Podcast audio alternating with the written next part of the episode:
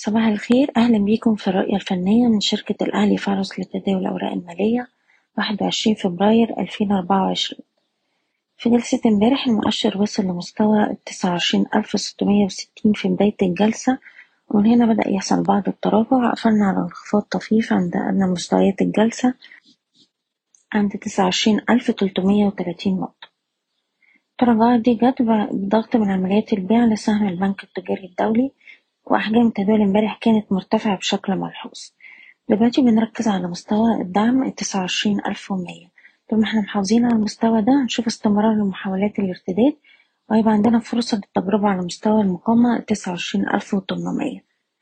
من الناحية التانية لو حصل تراجع أسفل مستوى التسعة وعشرين ألف ومية هتبقى إشارة على بداية عمليات جني أرباح.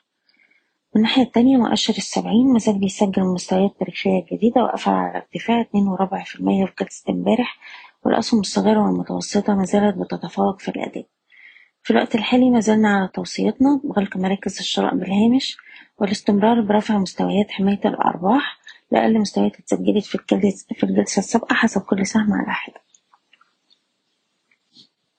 وبالنسبة للأسهم يبقى بسهم كيلوباترا اللي قدر يأكد اختراق مستوى المقاومة الخمسة جنيه وتمانين قرش ونتوقع السهم يستهدف مستوى السبعة جنيه؟ وده أعلى مستوى تاريخي كان سجله قبل كده.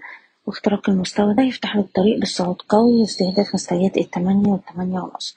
وننصح برفع مستويات حماية الأرباح لأقرب دعم عند الستة جنيه.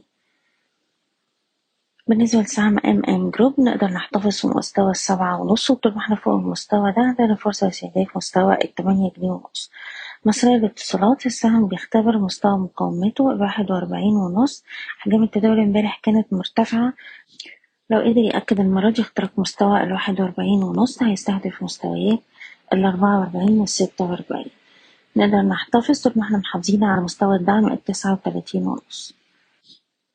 سهم أوراسكوم للتنمية قدر يأكد اختراق مستوى مقاومته تلاتاشر تمانين وزن لي مستهدفات عند الخمستاشر سبعين وستاشر جنيه وتلاتين قرش. وأخيرا سهم ابن سينا نقدر نحتفظ في مستوى تلاتة سبعين وشايفين السهم يستهدف مستويات الأربعة وتلاتين والأربعة جنيه ونص. أشكركم وأتمنى لكم التوفيق. إيضاح الشركة غير مسؤولة عن أي قرارات استثمارية تم اتخاذها بناء على هذا التسجيل.